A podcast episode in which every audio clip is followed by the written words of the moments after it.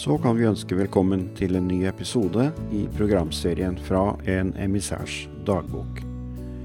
Der Kari Margrethe Renser Løvgren gir oss et tilbakeblikk på legmannsbevegelsens begynnelse, og hva dette fikk å bety for landet vårt.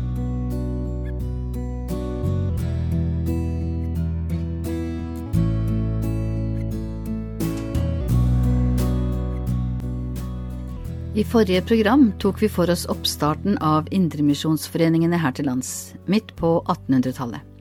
Videre at utsendingene derfra nå skulle hete bibelbud, og at det var spesielle plikter som ble pålagt dem. I bestemmelsene til Den norske lytterstiftelse, som organisasjonen ble kalt på den tida, sto det slik i siste punkt. Bibelbudet fører en nøyaktig dagbok, som han har at fremvise for menighetens prest når det av ham forlanges.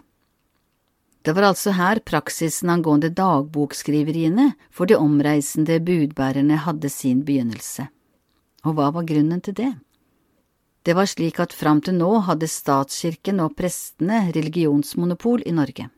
Vekkelseskristendom, som jo de nye bevegelsene sto for, ble sett på som en trussel, og noe statsapparatet gjerne ville ha en viss kontroll over. Derfor anmodningen eller påbudet om å forevise dagboka med nedtegnelsen av virksomheten for presten på stedet. Men dagbokføringen var todelt, de var også pålagt å sende sine rapporter til bestyrelsen, som det het, det vil si etter hver reiseperiode, kort eller lang, levere dagboka si til hovedkontoret. Til dette bruket ble derfor egne små dagbøker i størrelse 10 ganger 17 centimeter, litt større enn en sjuende sans, trykket opp. Og i dag finnes 251 slike dagbøker fra 58 ulike bibelbud i arkivet til Nordmisjon i Staffels gate i Oslo. En unik historisk kilde må dette være. Hva ble skrevet i dagbøkene? Som oftest en nedtegnelse om hva som skjedde fra den ene dagen til den andre, som tid og sted for møtet, hva de talte over, hvor mange som var samlet, besøkte hjemmene, hvordan ordet ble mottatt, osv., men også følelser og stemninger og øyeblikkets hendelser. Et eksempel fra en slik nedtegnelse vil jeg ta med her. Den er fra bibelbud Olavs Halsli i 1894 og er henta fra boka Herlige tider i Halden, skrevet av Christian Helland. Besøkte først to syke på verket, der var meget uvitende. Forlot så verket og gikk tilbake til Bjørunes krets, hvor jeg holdt oppbyggelig aften. På veien var jeg inde i flere huse, og overalt vennlige folk der gjerne ville høre ordet. Og en annen dag, et par husbesøk begjærlige efter at høre om synd og nåde. Emissær og seinere stortingsmann Nils Lavik sier det slik om å skrive dagbok.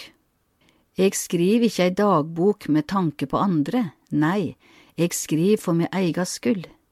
Dagboka skal først av alt hjelpa meg til å fare rett åt, gjera det eg bør gjera, sky det eg skal sky, leia vind på det som rett er. Denne boka skal være som en god venn som hjelper meg i livsens strid. Vi nærmer oss 1900-tallet nå, og med det skulle de omreisende tjenerne få enda en ny tittel. Nå skulle de hete emissærer. En betegnelse som kommer fra latin, emittere, via fransk emissæ, og betyr utsending. Først nå, rett før århundreskiftet i 1897, kom også bestemmelsen om at lekmenn kunne få benytte kirkens prekestol, og ikke bare stå på gulvet foran alteret. Samtidig kunne det ringes i kirkeklokkene, ikke bare når presten forordna gudstjenesten, men også når en lekmann skulle tale. Perioden fra nå av og 10–15 år inn på 1900-tallet skulle vise seg å bli en spesiell tid her i landet. Rike vekkingstider, som det het, var i emning. Noe vi skal se nærmere på i neste program.